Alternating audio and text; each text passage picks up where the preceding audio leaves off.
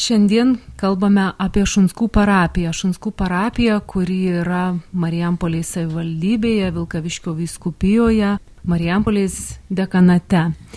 Laidoje kanauninkas, profesorius Kestutis Žemaitis ir kultūrinių renginių organizatorė Eglė Lenskaitė. Mano rankose yra labai graži, daugiau negu prieš dešimtmetį išleista knygelė Šunskai bažnyčia, kraštas ir žmonės, kurią yra išleidęs Kestutis Žemaitis, mūsų mylimas, gerbiamas profesorius, kanauninkas. Ir šiandien Kestutis yra kartu su manimi. Tai kestuti, kokia yra ta Šunskų parapijos istorija? Ačiū Eglė už tokį pristatymą, net pats apsidžiaugiau. Ta knygelė iš tikrųjų tai buvo gana ilgas darbas, važinėjimas į Lenkijos archyvus, kadangi čia sudėtingiausia su tuo pirmuoju istoriniu uždaviniu, tai yra ta euristika surasti dokumentus ir iš jų bandyti dėlioti vaizdą, rekonstruoti vaizdą.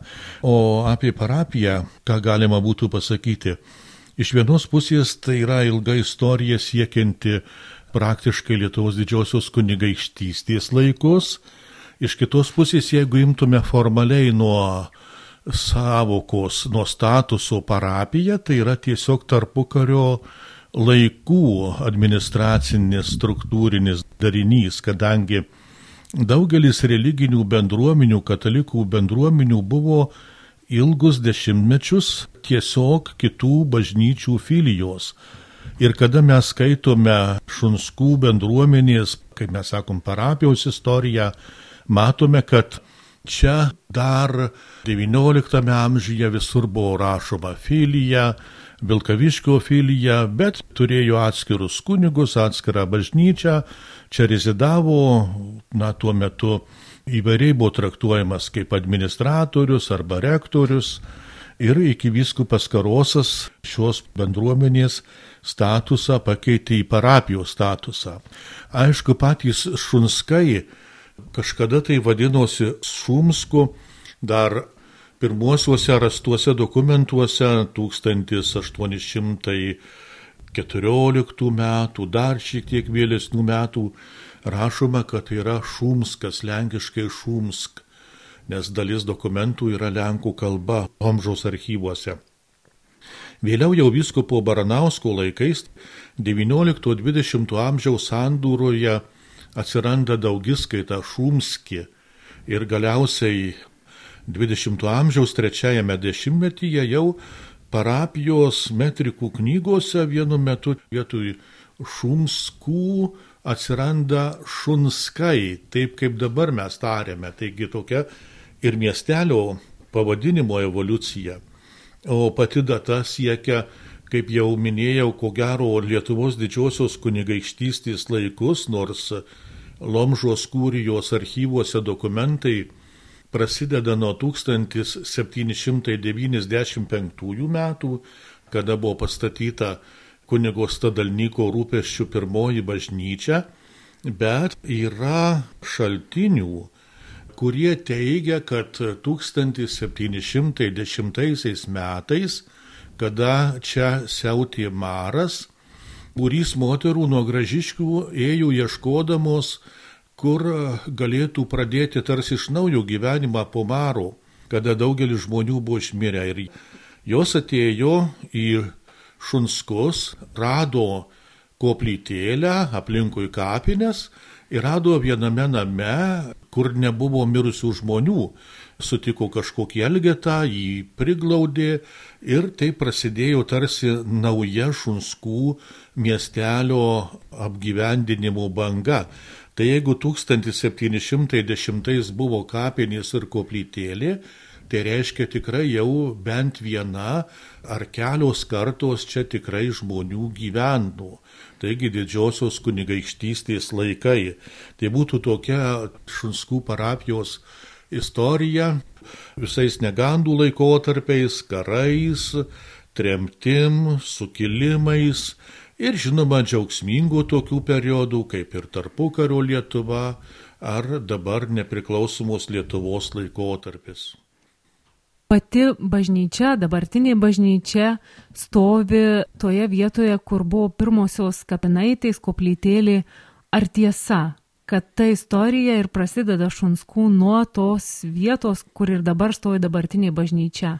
Kiek teko domėtis, tai ši bažnyčia yra pastatyta šiek tiek šalia senosios bažnyčios, kadangi vieną statė, senoji bažnyčia jau pradėjo sienos skeldėti, tai ją tiesiog griovė ir šalia statė kitą bažnyčią, bet iš tikrųjų aplink bažnyčią buvo kapinaitės, nors vėliau matome aprašymuose parapijos, kad parapijos teritorijoje yra visa eilė kapinaičių įvairiuose kaimuose, kai kurios yra išlikę, kai kurios yra suniokotos, ypač tarybiniais laikais, štai tokio paršelių kaimų kapinaitės buvo smėlingoje, žvyringoje vietoje ir karo metais jau buvo išdraskyta žvyrius kasamas kariuomenės reikalam, daroma takas lėktuvų nusileidimui, vėliau žvyriuojami keliai ir tai buvo sunaikinta, bet kai kurios yra kapinaitės, o iš tikrųjų aplink senąją bažnyčią buvo kapinaitės, taigi panašiai toje vietoje ir dabar stovi mūsų šventovė. Kokios aplinkybės nulėmė, kad čia niekada nebuvo sulenkėjęs mūsų kraštas, mūsų parapija? Kokios tos istorinės aplinkybės nulėmė? Ar aš gerai esu skaičiusi, kad dėl to, kad čia nebuvo dvarų? Na taip, iš tikrųjų čia arti nebuvo dvaro ir kokie čia artimiausi dvarai, tai Antanavas, bet jau ten priklausė kitai parapijai, Mikalinės dvaras susijęs su Šunskų valščiumi, bet vėlgi jisai jau šalia Marijampalės ir iš kitos pusės. Na ir dar kitas dalykas dėl tautinės gyventojų sudėties. Teko Lenkijoje domėtis dokumentais ir vienu tarpu Šuskuose gyveno kelios dešimtys žydų, vėliau jie įsikrausti į miestus ir pačioje parapijoje, pačiame miestelėje beveik nebeliko kitų tautybių gyventojų, tik tai lietuviai. Todėl kunigas Vaclavas Trimaitis, dar būdamas klieriku, parašė Šunskų parapijos kroniką, teigia, kad tai yra vienintelė užnemunės parapija, kur niekada nebuvo lenkų kalbos. Tikrai nežinau, negalėčiau patvirtinti, bet istorikas teigia tikriausiai panašiai ir buvo, kad tai buvo tik tai lietuvių kalba naudojama pamaldose per visą istoriją. Na, žinoma, lūtynų kalba. Kas nutinka, kad Šunskai tampa vyskupijos centru 1944 perots metais? Na čia vėlgi susijęs su vyskupo karoso pasirinkimu, bet dar gilesnė priežastis tai yra istorinės aplinkybės. Matote, 44 metais Liepos pabaigoje, rūpjūčio pradžioje frontas linko jau link Lietuvos Vokietijos sienos ir Jis ilgokai tarsi nusistovėjo subduvoje ir e, buvo gerokai sugriautas Vilkaviškis, sakoma, kad ištisi griuvėsiai ir, ir jokių žmonių nebuvo likę. Nu gal vienas kitas kažkur tai pasislėpęs. Bet vyskupas Karosas liko savo namuose, savo kambariuose ir niekur nesitraukė, tačiau kadangi katedra buvo apgriauta, miestas sugriautas, ir po to reikėjo kažkur tai kitur keltis ir pasirinko vyskupas Šunskus, gal dėl tokios strateginės vietos, kadangi tai buvo netoli Marijampolės ir iš kitos pusės tokia tiesiog šiek tiek nuošalesnė vieta, o gal ir dėl to, kad jo kancleris, kanauninkas Visgirda, čia Šunskuose turėjo brolį ir gyveno giminės kanclerio, tai gal geriau žinodama šią parapiją, šią vietovę, gal ir kancleris patarė vyskupui kraustytis į Šunskus, čia buvo ir gana nemaža klebonija ir, kaip minėjau, ir susisiekimas, nors tuo metu kelias buvo labai prastas, bet ne per toliausiai 10-12 km. Aš dar prisimenu savo vaikystėje patarnaujant mišioms, kai atvykdavo tuomet vyresni kunigai, dar baigę tarpukario Lietuvoje, kunigų seminariją Vilkaviškyje, jie pasakodavo, kaip anuomet čia gyvenant vyskupui Karosui pėsti eidavo iš Marijampolės į Šunskus, kad galėtų gauti, paimti kažkokį tai dokumentą ar paskyrimą į kitą parapiją.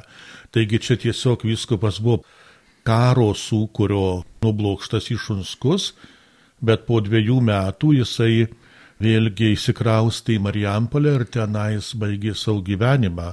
O tas buvimas Šunskuos irgi apipintas tarsi detektyvų. Tuomet buvo labai apriboti ryšiai su užsieniu, nebuvo galima parašyti kažkokios žinios, kaip dabar mes skambinam ar, ar rašom laišką. Tuo metu bet kokios žinios buvo blokuojamos ir iš Unskų kilęs kunigas prelatas Vincas Bartuška tuomet gyvendamas Romoje, nes 44 metais pasitraukė į vakarus ir gyvendamas Romoje labai norėjo sužinoti, ką nors apie savo artimuosius ir pranešti, kad jis yra gyvas, nežuvęs karo metais, kad jis gyvena Romoje. Tai jis pats pasakojo, sako, parašiau tokį laišką į Lietuvą, į Marijampolės apskritį, Šunskai, Šunskų klebonui. Sako, nežinau, kas tas klebonas tuo metu buvo. Gal pasikeitę ir parašiau, nu, sako, sugalvojau tokį pretekstą. Aš esu kunigas Bartuška, mokausi Romoje, man reikia krikšto liūdėjimo nuorašų. Iš tikrųjų, sako, to krikšto liūdėjimo nuorašo man nebereikia, bet kitos galimybės pranešti apie save negalėjau. Ir sako, klebonas, kunigas Ambraziejus, gavęs šitą laišką su džiaugsmu davė žinę tėvams, kad jūsų sūnus, kunigėlis Vincas, yra Romoje, sveikas, gyvas, mokosi. Ir kunigas Ambraziejus atrašė tokį laišką.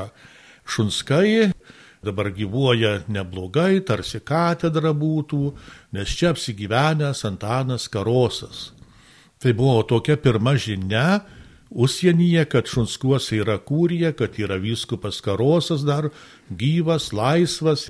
Ir sako, tą laišką greitai nunešiau vyskupams, kurie Romoje tuo metu buvo apsistoję Vincentui Brizgiui ir Padolskiui Vincentui.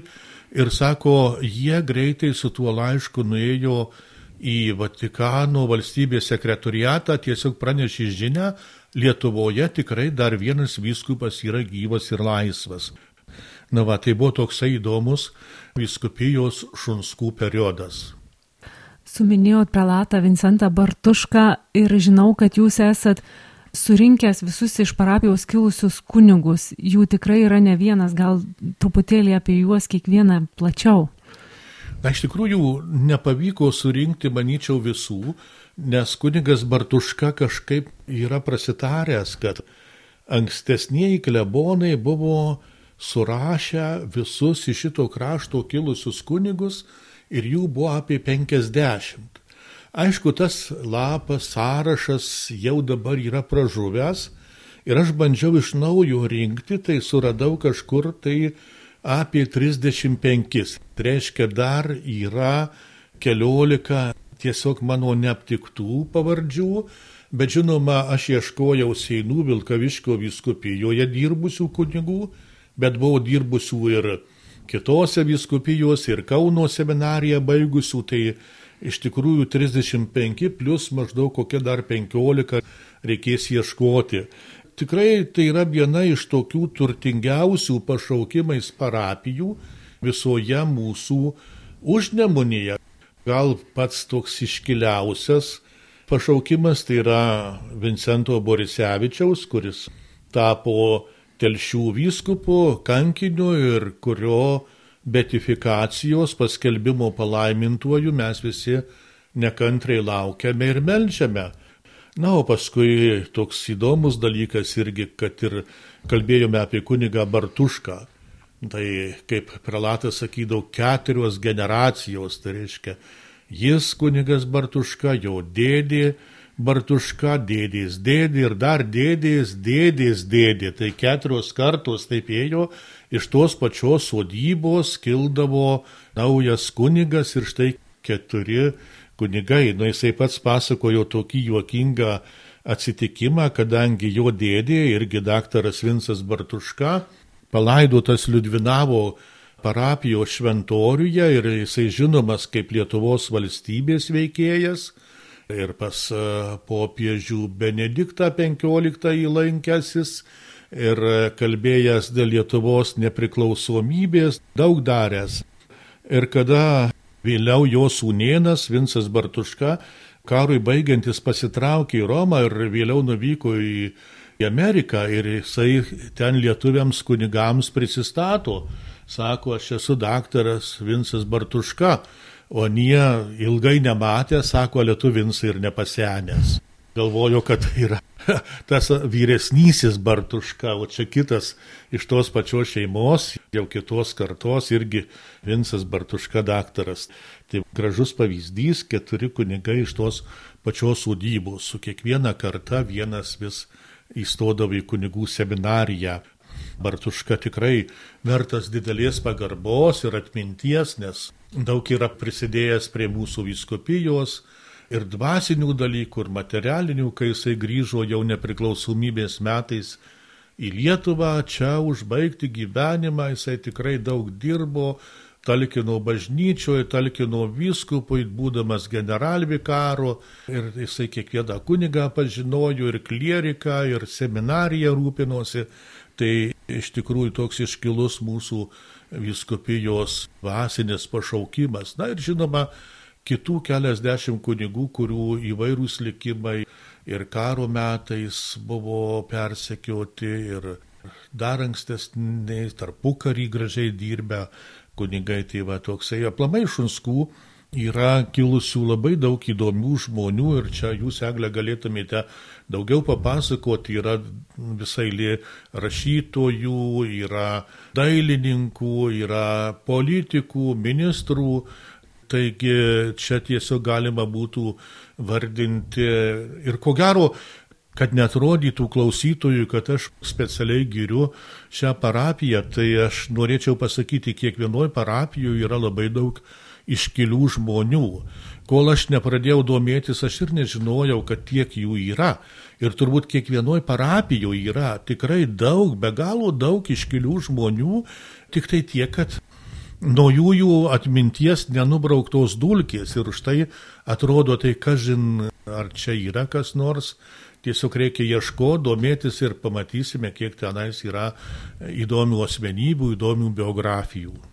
Na tiesiog sąrašą pratesiant, aš tikrai negaliu nepasidžiaugti, kad ir su manim šiandien laidoje bendraujantis kanauninkas Kestutis Žemaitis irgi yra iš Šunskų parapijos kilęs ir mus garsinantis ir džiuginantis ir papuošiantis savo darbais savo gimtają parapiją. O kestutė aš dar norėčiau paklausti apie paskutinį Baltųjų Marijonų vienuolį. Vienuolijos generolą kuniga Vincentą Senkų, jis irgi yra iš šitos parapijos kilęs.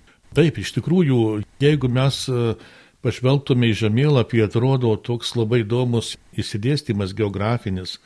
Prie šešupės lūginį, kur gimė ir augo Jurgis Matulaitis, šiek tiek toliau prie šešupės yra netoli šešupės kunigo Senkaus, tėviški, o kita pusė šupės link Sasnavos yra arkiviskopo Kazimiero Rūškio tėviški. Ir toks tarsi trikampis susidaro, nes tie žmonės buvo labai tampriai susiję. Jeigu ne Rūškys, būtų žymiai sunkiau sekėsi palaimintajam Jurgiui Matulaičiui atnaujinti Marijonų vienuolyje. Ir čia šitie žmonės kažkada buvo susitikę Vyskopo Rūškio koplyčioje Varšuvoje, kada Senkui įžadus Rūškio akivaizdoje davė palaimintasis Jurgis Matulaitis. Taigi kunigas Senkus iš tikrųjų paskutinysis, tai vadinamų baltųjų marijonų vienuolis ir generolas, kuris pergyveno dėl vienuolijos likimo, priėmė į vienuoliją Matulaitį, Totoraitį, Būčį, irgi būsimą į vyskupą. Ir Senkus iš tikrųjų ir Marijampolėje labai daug padarė. Jojo rūpeščių buvo remontuojama, pristatoma bažnyčia, rūpinamasi sielovados reikalais. Jo klebonavimo metais buvo pradėta lietuviškai gėdoti gegužinės pamaldos, taigi iš tikrųjų yra gabus, šviesus žmogus, kuris kilęs iš šitos parapijos. Na ir jeigu pratesiant, kaip jūs minėjote sąrašą tų garsių žmonių kilusių iš mūsų parapijos, tai čia reikėtų paminėti ir iš Domeikų kaimo kilusi Lietuvos mokytojų tėvą Tomą Žilinską, kuris Veveriuose išmokytojavo 37 metus jo sūnų Aleksandrą, kuris buvo nepriklausomos Lietuvos Respublikos teisingumo ministerijų. Iš Domeikų kaimo buvo kilęs Matulaitis, Lietuvos Respublikos valstybės kontrolierius vyriausias, išskirtinė šeima Ciplijauskų, kurių gimtinė ta sodyba yra netoli, buvo netoli Šunskų miestelio. Ir iš Ciplijauskų šeimos buvo kilęs advokatas Liudvikas, daktaras Jonas, darbo sūnus vienas partizanavęs, dailininkas Vytautas Ciplijauskas, žinomas portretistas Lietuvoje, taip pat buvo tremtinys muikininkas, kuris taip ir negryžo iš tremties į Lietuvą. Na ir jeigu žvelgiant į kitą šunskų pusę yra Uželių kaimas, kur iš Uželių kaimo kilusi išeivijos dailininkė Magdalena Birutė Stankūnienė kurios darbai puošia įvairias Lietuvos įstaigas, įvairių įstaigų erdves. Na ir čia reikėtų suminėti apie jos atminimo saugojimą, kad Šunskuose būtent per Šventos Marijos Magdalietės atlaidus, mūsų vadinamus Magdalenos atlaidus, čia kasmet būna eksponuojami jos darbai, šiais metais buvo eksponuojami dailininko Vytauto Ciplijausko darbai ir tie mūsų jau išėjusi karta, žymių žmonių, parapiečių, jinai tarsi sugrįžta su savo darbais ir mums primena apie tai, kad iš tikrųjų iškilios asmenybės išėjo būtent iš čia, iš Šunskų parapijos. Taip, pratesant Eglės kalbą, galima sakyti, buvo ir keletą rašytojų, ir, ir kitų politikų. Ačiū tikrai už šitą pateiktą informaciją.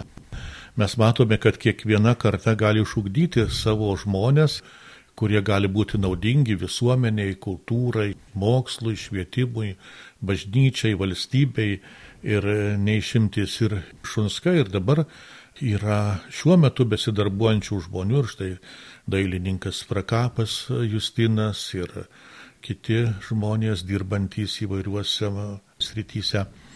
Taigi ir dabar kažkas kuria, dirba ir kuria Lietuvos ateitį. Bet eglė mes čia kalbame apie tą istoriją. Galbūt klausytojui būtų labai įdomu sužinoti ir apie dabartinę situaciją. Ir aš noriu pasakyti, kad niekas geriau nežino šio meto tokios kultūrinės visuomeninės situacijos, kaip mano pašnekovė Eglė. Parapijoje vyksta įvairiausių tokių unikalių renginių. Kiekvienas kraštas turi savo tam tikras tradicijas, gal jūs tiesiog pakalbėtumėt klausytojam apie tokius renginius kaip lino kelias, duonos kelias, kaip, na, kad ir tie patys atlaidai, kurie yra ne vien tik tai gražus susirinkimas bažnyčioje, maldos procesija, bet, sakykime, ir tie dar šalia šventoriaus renginiai. Na, jeigu kalbant apie duonos kelią, lino kelią, tai čia reikėtų kalbėti apie žmogų, moterį, kuri atsikraustė į mūsų kraštą, tai audronė išlyterinė ir subūrė krašto žmonės į duonos kelią. Daugiau negu prieš 15 metų tai įvyko. Ir gerą dešimtmetį kasmet Liepos mėnesį buvo kertami rugiai, aišku, prieš tai eilė darbų, kad jie būtų pasėti ir užauktų kepama duona ir taip metai iš metų įvairiuose bendruomeniais sodybose buvo vykdomas duonos kelias. Kai duonos keliui suėjo dešimtmetis, buvo nutarta, jog pereiti prie lino kelio. Ir bandyta sėti linai, jie auginti, ravėti, rauti, susipažinta su įvairiais linininkystės darbais, kurie beje iš tikrųjų yra nunykę ir užmarštint nuėję tiek pats lino auginimas, tiek linininkystės darbai.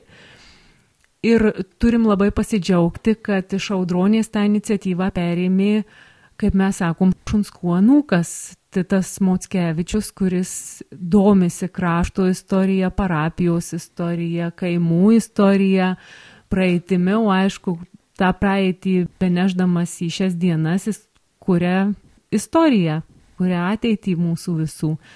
Tai Lino keliu šiemet jau eina Titas, jisai yra gimnazistas, Marijampoliais Rygiškių Jono gimnazijos gimnazistas, vienuoliktokas jau bus šiemet. Ir taip e, turim tokią akivaizdžią patirtį, kad tikrai jaunoji karta domisi tradicijomis praeitimi ir perima tais tradicijas. Jeigu kalbant apie Magdalenos atlaidus, mūsų taip vadinamus, tai vėlgi kas metai Liepos mėnesį, Liepos 22 būna Šventos Marijos Magdalietės tituliniai atlaidai, kurie keliami į artimiausią sekmadienį. Ir čia neapsiribuojama vien bažnytinė švente, bet greta jos, kaip jūs ir minėjote, vyksta papildomi renginiai, tai ir mano minėtos parodos mūsų iškiliųjų dailininkų ir įvairūs koncertai, agapės, kurie subūrė bendruomenę tolimesniam bendravimui. Ir jeigu čia atsigręžtume į praeitį, tai aš jau nelabai atsimenu, bet iš tėvų, iš senelių pasakojimų žinau, kad Magdalenos atlaidai būtent taip ir vykdavo, kad nesibaigdavo viskas šventų mišių liturgija, bet tęsdavosi miestelio įvairiose gražiose erdvėse. Na, iš tikrųjų, parapija, pati bažnyčia yra gyvas organizmas ir parapija, jinai nėra vien tik tai apribota bažnyčia šventoriumi, tai yra bendruomenė pirmiausia, bendruomenė su savo kultūriniais poreikiais, sugebėjimais savo. Ir va kaip Eglė paminėjo, ir senesniais laikais, kaip ir mano tėvai pasakojo, būdavo po mišių žmonės, na, tada paprasčiau tiesiog patiesdavo ant žolės dekį, susėsdavo, kažkas sūrį išima, kitas kažkokį pirago gabalą, visi susėdę pasišneka, pasikalba, pabendrauja kartu, nes iš tikrųjų bičiulystė, bendrystė yra labai svarbus dalykas ir parapija yra tarsi šeima, tarsi bičių avilys, kuris negali būti sklaidytas. Ir labai džiugu, kad tos gražios tradicijos tęsiasi ir dabar žmonės Dievą šlovina ir maldomis, ir giesmėmis, ir tiesiog tokiu gražiu gyvenimu. Kažkada tai vyskupas Ambraziejus Milane pirmas vakarų bažnyčioje įvedė tokį gražų paprotį gėdojimą, kad visa bendruomenė susirinkusi gėdotų, ar labai gerai moka, ar nelabai gerai moka. Ir štai mes taip pat dabar džiaugiamės, kaip bendruomenė susirinkusi bažnyčioje per mišes, vargodinams, vargodininkui, korui pritarė kadangi Eglė yra mūsų parapijos, Šunskų parapijos vargonininkė, gal keletą žodžių apie tai, nes iš tikrųjų visai neseniai praeitais metais yra puikiai atrestauruoti Šunskų parapijos vargonai. Taip, vargonai yra XIX amžiaus pabaigos statybos Varšuvos meistrų pastatyti ir jie berots ketvirtį amžiaus, gerą ketvirtį amžiaus tylėjo dėl savo nusidėvėjimo, tiesiog net tinkamumo eksploatuoti, jais groti. Tai be galo džiugus įvykis, kad jau nuo pernai vasaros tie vargonai vėl skamba ir mes jais galime papuošti šventų mišių liturgiją. Tai iš tikrųjų irgi ne kiekviena parapija turi tokį instrumentą, kuris pilnai funkcionuotų. Tai mes jau galim tuo pasidžiaugti. Na, o prie gėdojimo tai vėlgi yra tokių gražių momentų, pavyzdžiui, kaip atlaidų procesijose. Išlikus ta tradicija, kad nebūtinai tie, kurie gėda nuolat, bet į procesijos gėdojimą jungiasi sugrįžę iš čia kilę parapiečiai, tai tokie labai smagus momentai. Na ir pavyzdžiui, kryžiaus kelio stočių apvaikščiojimas gavėnios metu irgi yra susibūrimas ir būtent miestelio moterys būrėsi kiekvieną sekmanį prie šventų mišių liturgiją ir, ir eina kryžiaus kelią gyvai, gėdodamos kryžiaus kelio stotis. Tai irgi man kaip vargoninkai labai džiugu, kad ta tokia liaudiškoji pamaldumo tradicija yra dar nenutrūkusi mūsų parapijoje. Na iš tikrųjų, čia gerai buvo paminėta, kad atlaidai tai yra savotiškos sugrįžtuvės kadangi nors aš esu kilęs iš šios parapijos, bet darbuojuosi kitoj, tad labai džiaugiuosi, kad ir man būna proga per Šventos Marijos Magdalietės atlaidus sugrįžti, paprastai visada klebonas pakviečia kaip vietinį žmogų į tuos atlaidus. Ir labai džiugu pamatyti daugelį ir vaikystės draugų, ir kaimynų, kurie vėliau įsiskirsti, gyvena įvairiuose miestuose, Vilniui, Kaune ar Klaipėdoj, ir matyti jų gražius gedrus veidus čia per tuos atlaidus ir po to tiesiog šventoriuje vienas kitą sveikinam, kaip smagu susitikti, tai tokios sugrįžtuvės susitikimas ir vėlgi dar vienas papildomas atlaidų džiaugsmas, būtent tokia graži sugrįžimo tradicija. Pasimelsti kartu su visais, tarp kurių kažkada gyveno žmonės, augo, mokėsi, dirbo, gyveno ir štai vėl sugrįžta kur tėvų kapai, kur senelių kapai, pabūti prie savo šaknų. Ta gimtoji parapija tai yra tiesiog kaip gimtoji šeima, mes kiekvienas džiaugiamės turėdami gimtają šeimą, o dar labiau džiaugiamės turėdami ir galimybę grįžti į gimtają parapiją. Be abejo, gimtinė, tėviškė, tėvynė, gimtoji parapija, gimtieji namai visada žmogų traukia ir visada į ten sugrįžus darosi kažkaip tai šilta ir jauku. Dar grįžtant prie tokių neramių parapijos įvykių, dar tokį kaip papildomą klausimą galima iškelti, kadangi visur šiandien kalbama apie karą. Karas Ukrainoje. Karas ir kiti sukrėtimai palėtė ir šunskos. 1831, bet ypač 63 metų sukilimą čia buvo netgi vienas iš sukilimo vadų, Simonas Katilius, kuris vadovavo Kalvarijos Augustavo krašto sukilėliams, po to buvo suimtas, pabėgo į Austrijos imperiją. Pirmas ir antras pasauliniai karai, tremtys labai daug padarė skausmo parapijai, tremtys ir papildė parapiją, tai tremtis į tėvynę, aš tai vadinčiau, tai yra žmonių iš Seinų krašto atkėlimas ir jų labai daug apgyvendinta buvo šunskuose. Šunskų apylinkėse veikia taip pat ir partizanų, ne tiek jau daug, bet galima būtų galbūt nuo penkių iki dešimties suskaičiuoti ir vyrų, ir moterų. Ir štai Eglį paminėjau tą patį Joną Ciplijauską, kurio slapyvardis buvo Sakalas ir visai le merginų, pušelė slapyvardis buvo Senkutė, partizanė ir, ir kiti, taigi čia užeidavo ir iš toliau partizanų. Jie buvo žinomi, žmonės žinojo, kad tokie yra, dažnai susitikdavo, dažnai pavakarodavo kažkur ir pasimaitindavo ir žmonės sakydavo, kad jeigu ne partizanai, tai nuo tų vadinamų liaudės gynėjų būtų ganėtinai sudėtinga, kaip apsiginti. Ištremtų žmonių buvo tikrai nemažai, nes Šunskai, galima sakyti, toks turtingesnis kraštas, nes gero žemės. Ir daug buvo ūkininkų, tai juos ir vežė, ir dažnai likdavo likimo valiai apleistos sodybos, į kai kurias būdavo įkeliami kiti žmonės, kurie netaupė, netausojo turto ir niokojo. Ir gana nemažai ūkininkų ir liko Sibirė, mirė ir grįžo kartais.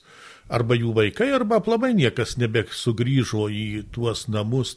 Taip ir liko, kaip mes sakydom, valdiški arba kolūkio pastatai dažnai būdavo ten svirnai nugriaunami kluonai ir taip išnešiojamas, išdalinamas tas darbšių ūkininkų turtas. Taigi čia galima būtų suskaičiuoti ne vieną dešimtį šeimų, kurios iš parapijos buvo išvežtos į įvairias Sibiro vietovės. Žmonės turi ir įvairias tradicijas susitikti ne vien tik per Magdalenos atlaidus, bet prieš keliolika metų buvo visų šunskų mokyklos mokinių, na, kiek galėjo susitikti, o tokių atskirų susitikimų gal jūs, Eglė, galėtumėt kažką tai. Tikrai yra tokių atvejų, kur, pavyzdžiui, ta kaimų mišių tradicija dar gaji ir Baltrakio kaimas, kuris jau yra Vilkaviškio rajone, bet mūsų parapijos kraštas, Tai jie turi išlaikę tą tradiciją, kai renkasi, būna užsakomos kaimo mišios ir sugrįžta iš to kaimo kilę žmonės. Kiti kaimai taip pat turėjo tą tradiciją, bet jau šiek tiek nunykusi. Kraštiečių sustikimo tradicija. Dažniau tas kraštiečių sustikimas įvyksta renginių metu, kuomet būna ir minėtieji duonos kelio renginiai, lino tako šventės. Tai tikrai sugrįžta iš tų kaimų kilę žmonės, nes automatiškai vyksta toksai kraštiečių sustikimas, kartų sustikimas. Šunskai šiuo metu nėra didelis bažnytkaimis. Pačiame miestelėje gyvena apie 500 žmonių. Gaila, kad mokykla neišliko, per mažai mokinių buvo ir mokiniai buvo įsiskirsti į miesto mokyklas. Šunskuosi ilgai veikusi, gyvavusi graži mokykla šiuo metu jau nebefunkcionuoja. Dar galima būtų paminėti, kad Šunskai yra tokia traukos vieta ir dėl to, kad Šunskų miestelio parke yra įsteigtas dekoratyvinių paukščių paukštynas, tai yra fazanai, balandžiai, yra taip pat apgyvendintos alpakos, yra aikštelė, kur galima pavaikščioti, pažaisti krepšinį, įvairių augalų prisodinta, japoniškų vyšnių, sakurų sodelis. Tai žmonės labai dažnai ten nuvažiavus matai, kaip stovi viena ar kita mašinėlė ir žmonės tiesiog vieni ar su vaikučiais vaikšto Tai toks yra traukos taškas ir atvažiuoja netgi ekskursijos. Na, klausytojams turbūt gali kilti klausimas, kodėl fazanai, fazanina šunskuose, tai čia turbūt reikėtų atsigręžti į miestelių herbą, kuris nuo 2009 berots metų funkcionuoja ir jame yra simbolizuojami trys fazanai juodame fone. Tai juodas fonas simbolizuoja derlingas žemės šio krašto, o trys fazanai - tris dorybės - tikėjimą, viltį ir meilę.